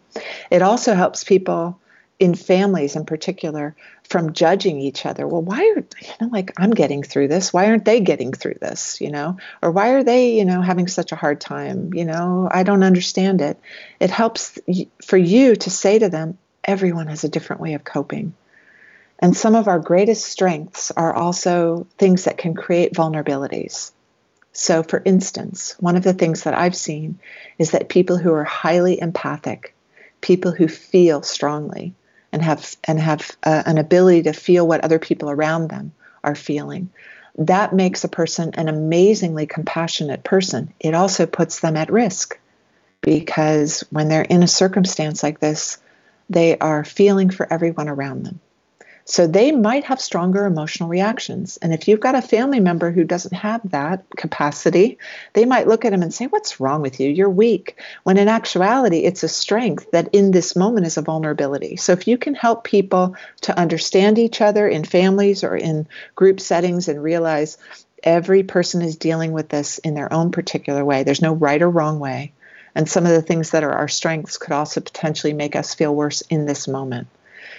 Apply that to yourself as well. Those of you that are drawn to jobs like this, you usually have strong values of being of service. You're also wanting to be selfless, put the needs of others above your own. You're usually very loyal and you have a strong need to, to do the right thing those strengths that you have that bring you to this work are beautiful. That's why I like working with people in trainings like this, because I like to be surrounded by people like you um, and know that you're out there doing your best to try to help others. But just be aware that those values and those strengths that you have could also potentially put you at risk. So make sure that you're paying close attention to where your heart is and what's going on with, within you that you're not overloading yourself that you that you find ways to get support and get breaks for yourself okay? So when you're working with others you can speak from a place of knowing this you've done it for yourself and you can talk with them about things that you've done that have been helpful. Um, and as I said, you're going to be working with them around different coping strategies, trying to find, not judging them for coping strategies that are helpful for them, but just letting them know, okay, that's fine if it's helpful for you now, if it's, if it's the thing that works for you, but just pay attention if there are any potential ways that it actually makes things worse in the long run. Help them to see their strengths. Give them resources. If you have things written down or little simple reminders for them, you could do that as well. I would say that with anger management skills, one of my colleagues in Australia, Dave Forbes, writes about this quite a bit. And we just had an update to our five essential elements. And he said one of the things that he and his colleagues see regularly is that people get angry because they're not treated with dignity and respect. So, with anger management skills, all of us have had the experience of calling a customer service line or trying to deal with a situation where we feel frustrated and we get on the line with somebody and it's the first if if the first thing they said say after you tell them what you're upset about is i'm so sorry that you had to experience this it brings your anger down a little bit because you feel they at least connect with you as a human being and they have some empathy. If they don't do that and they go immediately into trying to defend what happened or to just solve the problem without saying, I'm sorry that you had this experience, it creates uh, a feeling of separation. So, a lot of what you could do when people are angry is to convey that you care. You know, okay, I, I see that you're angry. I know that there must be something that's really frustrating for you right now. How can I help you with that? Because clearly um, something's going on, and I, I'd like to be able to help you. I'm so sorry that you're this frustrated and you're this angry, right? Now, with anger management skills, it's very hard for me to talk about this with a large group in a short webinar because all of us know that there are some people that are in kind of a pattern. They're angry all their lives about everything. and anything with psychological first aid is probably not going to make a dent in the pattern with those types of people that just are angry all the time, right? So I don't want to set you up for failure by saying, oh, these will work with everybody because they might not work with everybody. These are tips that we've come up with for people that are experiencing frustration in the moment. They're not this ingrained pattern of anger management. They're just um, or anger response. They're they're they're this person's frustrated and they need some assistance. So trying to help them understand, okay, what is it that that you need that's being frustrated right now? What's going on for you right now? How can we help? Maybe remind them, I get it. I understand why you're so angry. I probably feel just as angry as you, but I'm also aware that the more angry you get, the more likely it is you you won't get your needs met because you'll you'll you'll isolate yourself with your anger and people won't want to help you. So let's figure out a way that you can get your needs met um, and help you get through this without harming you know your family around you or har- you know harming your ability to get things done.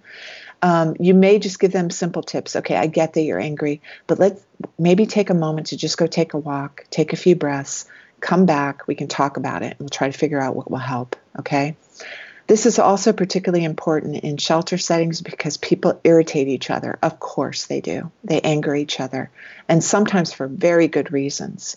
So, these particular anger management skills here about giving suggestions um, are very much first line of defense. But if you see that none of these are working, do not hesitate to get help. And that might include security help. If you've got a person who's uh, in a pattern of, um, you know, getting their needs met by hurting others, and they've done this for long periods of time, that will need more than what you can provide with PFA. Okay.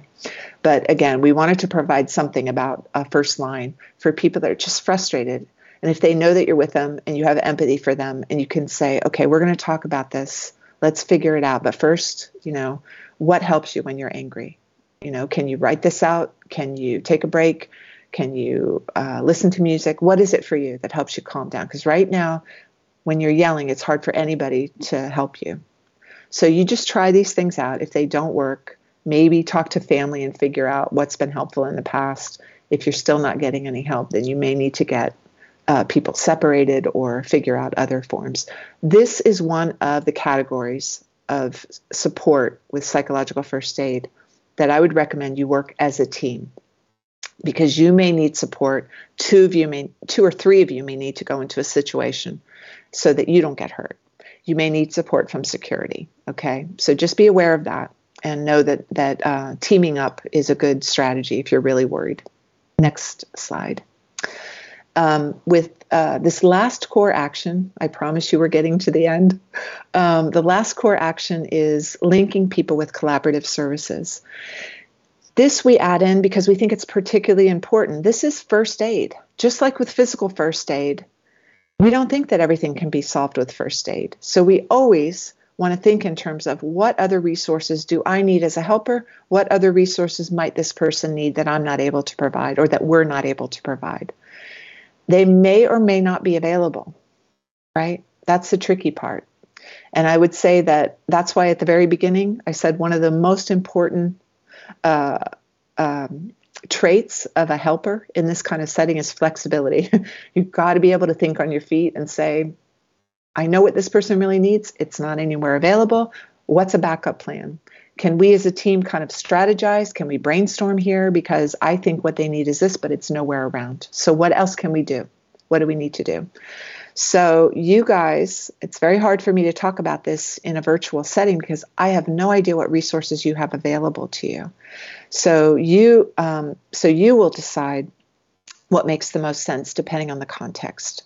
We do have also information in our guide that if you think this person needs more intensive mental health care and they're refusing it, you may be able to, you know, just suggest, just talk to this person once. If you don't like it, that's all you need to do, just talk to them once.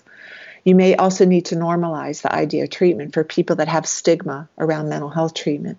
You could, you know, help them understand that under certain circumstances, what you're trying to do by suggesting this is to prevent this kind of spiral downward that happens sometimes. Sometimes the earlier people get help, the better it is for them and they have fewer problems down the road. You can maybe talk to them about what treatment is. Some people don't know. They think it's still laying down on a couch and talking to somebody twice a week for 5 years, you know. They don't realize that in this context a mental health consult just might be talking to somebody who gives you medication that would be helpful helpful to regulate where you are because it's almost impossible to regulate yourself with all of the stress that you've been through. It might be just talking to somebody once or twice who can help really be a partner with you about strategies that will help you get through this. So you're going to be giving them information that might move them towards accepting mental health support that's more intensive than what you have to provide. And it also can be helpful to include a family member or friend in this conversation who can support that person and get them, um, you know, to the care that they need. Again, remember, they may refuse it even so, and um, that's the best you can do.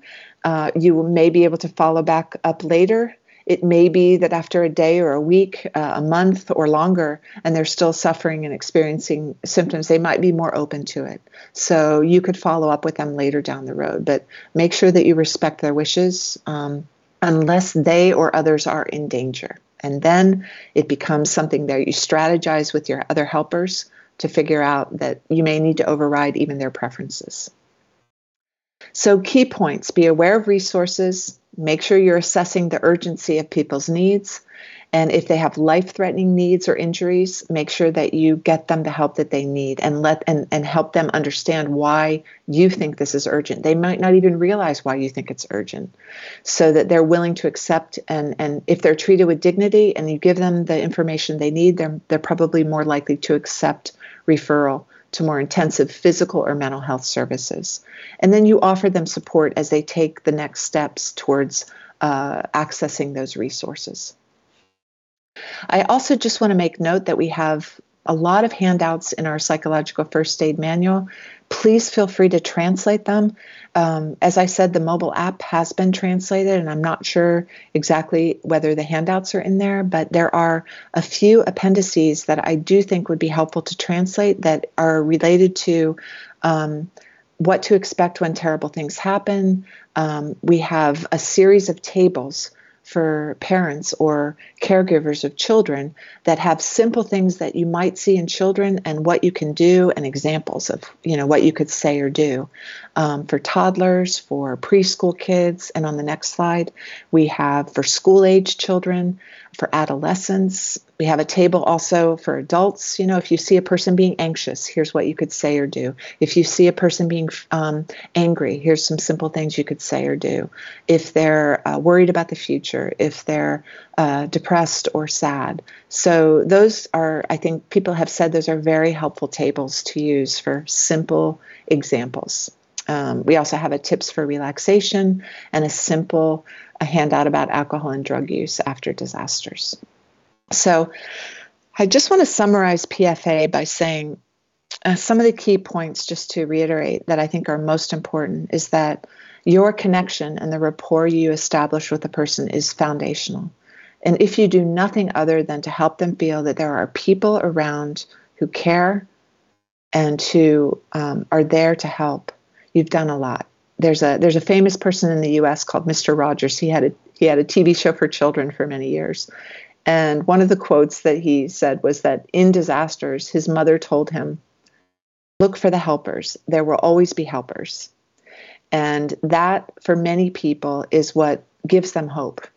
It gives them hope that they're not alone, that there are people in the world who are good people that counteracts what they've experienced with people who have hurt them in one way or another.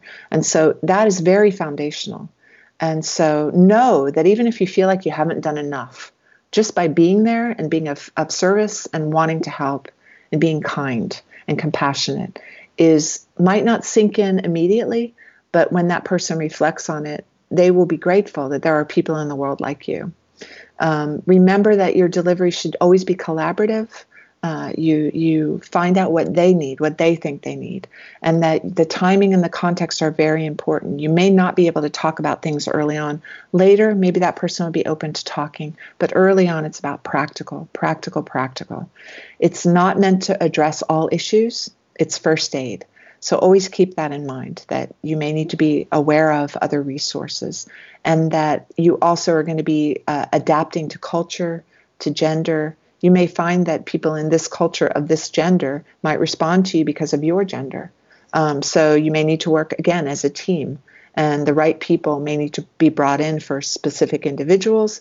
Remember always that children um, uh, developmental factors are critical as well. So I would recommend reading the manual. I tried to highlight certain points, but I didn't have time to highlight all the developmental tips that we have throughout the manual.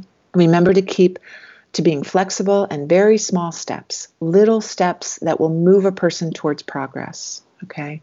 It's a lot like supportive coaching. It's also about what not to do, not, you know, forcing people to talk, not bringing all of the mental health tools that you have to bear because of the context, making sure that you realize it's first aid and you do the best you can with what you have and what resources you have and what your capacity is another um, thing that I see mental health providers do is they forget that in this circumstance, they one of the reasons why they can't do everything that they know would be helpful is that so many people are in need. So you have to really pick and choose how much time you spend with people and what you choose to do. You cannot do everything that you think would be helpful. Emphasize this frame. So if you know you only have a short amount of time, let people know ahead of time and gather information about needs and goals. And if you if it's helpful, use the worksheets and handouts. We do have worksheets as well.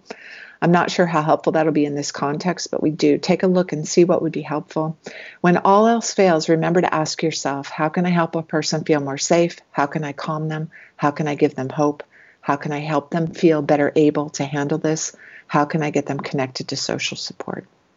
And remember, we've got the mobile app that's been translated. I have a link here at the bottom to that mobile app um, that you know might be helpful for people. So the last thing I want to say is self-care, particularly important. Managers can help rotate people's roles, make sure that you're always checking in with each other in different ways, um, particularly people that are working with you know high risk individuals and you give short, if you can, give short trainings about how to take care of yourself. Um, partner up with people. Find these moments where you can take care of yourself. Go to the bathroom and close your eyes and take a few deep breaths. Talk with others. Do your best to try to sustain yourself throughout your work if you can. I know it's almost impossible.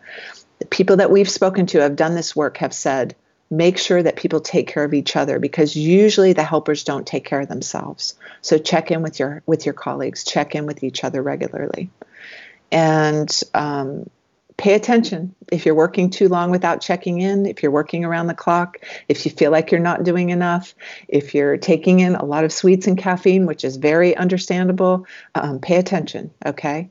Uh, next slide is after the response, make sure that you know you're going to have a readjustment period, that you discuss the situation with your coworkers, especially people that have been in this in this context with you, that you get formal help help if you need it. Because it's a lot to have to face and deal with.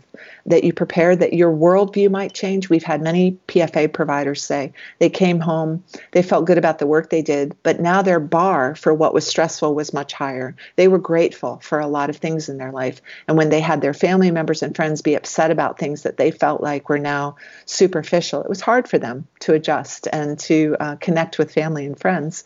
So know that you might have a change in worldview and you might have a different spiritual or philosophical um, adjustment to the way that you view what you did. And I will say that we have a stress first aid um, model that's specific to self care for people in high risk jobs. We have information about it at the National Center for PTSD, and we recently created some videos and handouts specific to helping people in wartime situations because the stress first aid model, while it was originally developed for self care and coworker support, there's also a version that's public facing and it's it's organized around the five essential elements. So we made these set of short videos and handouts for people.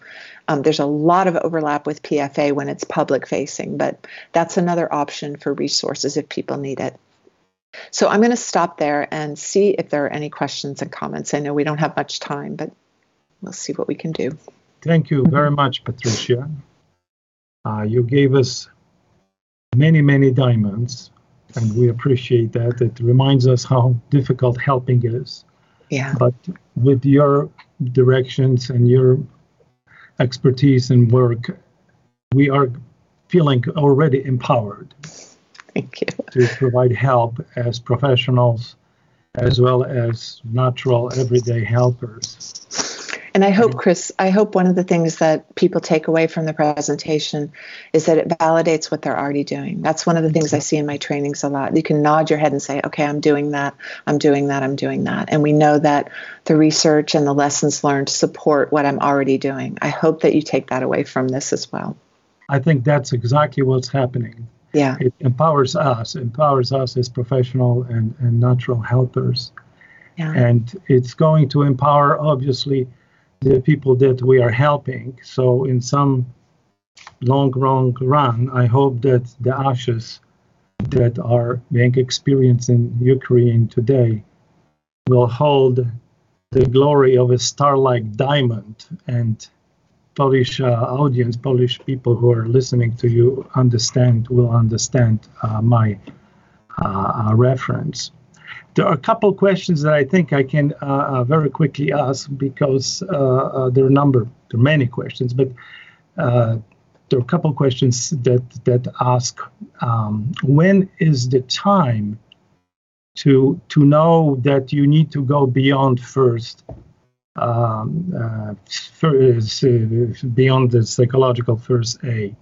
When mm-hmm. you you have to realize that you need more support, professional support, more therapeutic yeah. support. And this is a hard question to answer because it has to do with what resources are available. So the bar is higher for when people need additional support when there are fewer resources available, right? So if you have very few resources, then you only refer people who are at the upper levels of being suicidal or, you know, homicidal, or you're very worried about um, their health. Um, you're very worried that no matter what you've tried to do, they're still experiencing this feeling of overwhelming uh, grief or something that is uh, so intense that no matter what you do, um, they're still suffering, suffering, suffering, suffering, or um, they're in a place where they're they're what's happening for them is hurting others, right? So the bar for whether you refer them on for greater support really depends on what your resources are. But we we tend to look for um, a situation where they could be uh, at harm to themselves or to others as the you know the top level of okay they need extra help if it looks like they're going to hurt themselves or hurt others around them. Um, if you feel that you have the resources and this person could benefit from them because they're really struggling, they're not able to sleep at all, they're um, they're crying all day long, they're not eating or drinking uh, because of how uh, emotionally distressed they are. Those are the types of things we look for. What we're trying to do is catch people before they spiral down into a place that uh, it'll be very hard to help them. So we're again, depending on what resources are available, if you have those resources, then bring them in sooner. If you really feel that, that no matter what you've tried to do, this person is still suffering intensely. And maybe their suffering is also affecting their family or friends around them.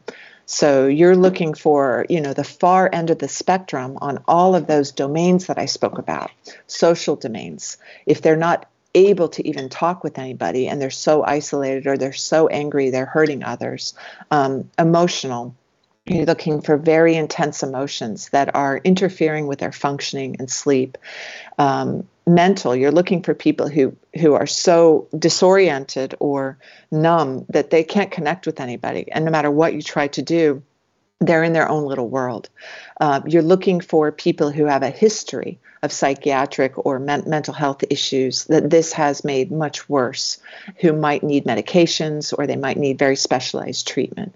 You're looking for people who have who are because of what they're experiencing are having a decrease in their in their physical health. You know, where they're really suffering. They're not able to eat. They're um, their headaches are intense or they're having things happening in their body that are very damaging for them. So those are the types of things we're looking for. Mm-hmm. And again, I wish I could tell you an exact line for each one of those things, but it really does depend on what's going on in the environment. Thank you. And very quickly, maybe on the other side of that spectrum, when is the good time to engage the survivors into active helping others? Are there any uh, uh, guides about yeah. how to mobilize them and yep. engage them in helping others without burdening them? That's a great question. Yeah, thank you. Um, I would say that a lot of it has to do with what information you've already gathered from people, but it also has to do with you could offer the possibility of helping. You could go into a shelter, for instance, and say, I want to make an announcement. We've got a situation where it would be helpful for us to have some help doing X, Y, or Z. We've got some children that want to play soccer. Is anybody here familiar with how to play soccer? You know, that's just one small example, but you could offer it as an option. And you will probably naturally have people, if they have the capacity to help, they will. Mm-hmm. As long as it's not mandatory you're probably not going to make any mistakes. You may be able to do that individually one on one with a person and say, you know, it seems to me that you've actually you've got so much resilience from what you've told me. You've been through a lot in your life and you're still you know here helping others i think that's amazing and uh, you know i uh, if you if you have any desire uh, to put some of your skills and strengths to use let me know because I have people that could benefit from your wisdom and your experiences. I'd be happy to, you know, connect you. It could really make a difference to some of the other people's lives. But I also want you to know I don't want you to feel any uh, requirement to do this because you've got enough to take care of on your own. So again, it's about how you offer it. If if people have the choice uh, make sure they know that there's no guilt if they don't help others. Right. It's enough that they're helping themselves and maybe their family. But you can always offer it as a possibility. And many people, as I've said, uh, one of the things that we determined from our, our research on the ground was that um, helping others uh, was helpful for the people who helped. I right. know I use the word help in that sentence too many times, but sometimes that is what's going to move people forward is that the only meaning they get out of this is that they were able to be there for others. And so i would always offer it as an option. Okay. Yeah. well it's very late in poland. It's 9 p.m yeah. We are at the finish of our webinar and we would like to thank you very very much for the two hours that you gave us and all, a lot of wis- wisdom that will uh, uh, help everybody Thank you. And um, I'm sure that all the questions that were not asked can be answered if people would directly write to you emails or basically yeah. uh, uh, connect with the materials that will be available yes. to all of you. So thank you very much. Social support the rules, but it also has rules, yeah. as you told us. Yeah. And uh, we would like to welcome everybody to other webinars that are offered by uh, SWPS here in the Strefa Psyche. Good night, everybody. Bye bye, Patricia. Thank bye you. Bye bye. Thank, you, thank you so much. And I wish you all the best in your work.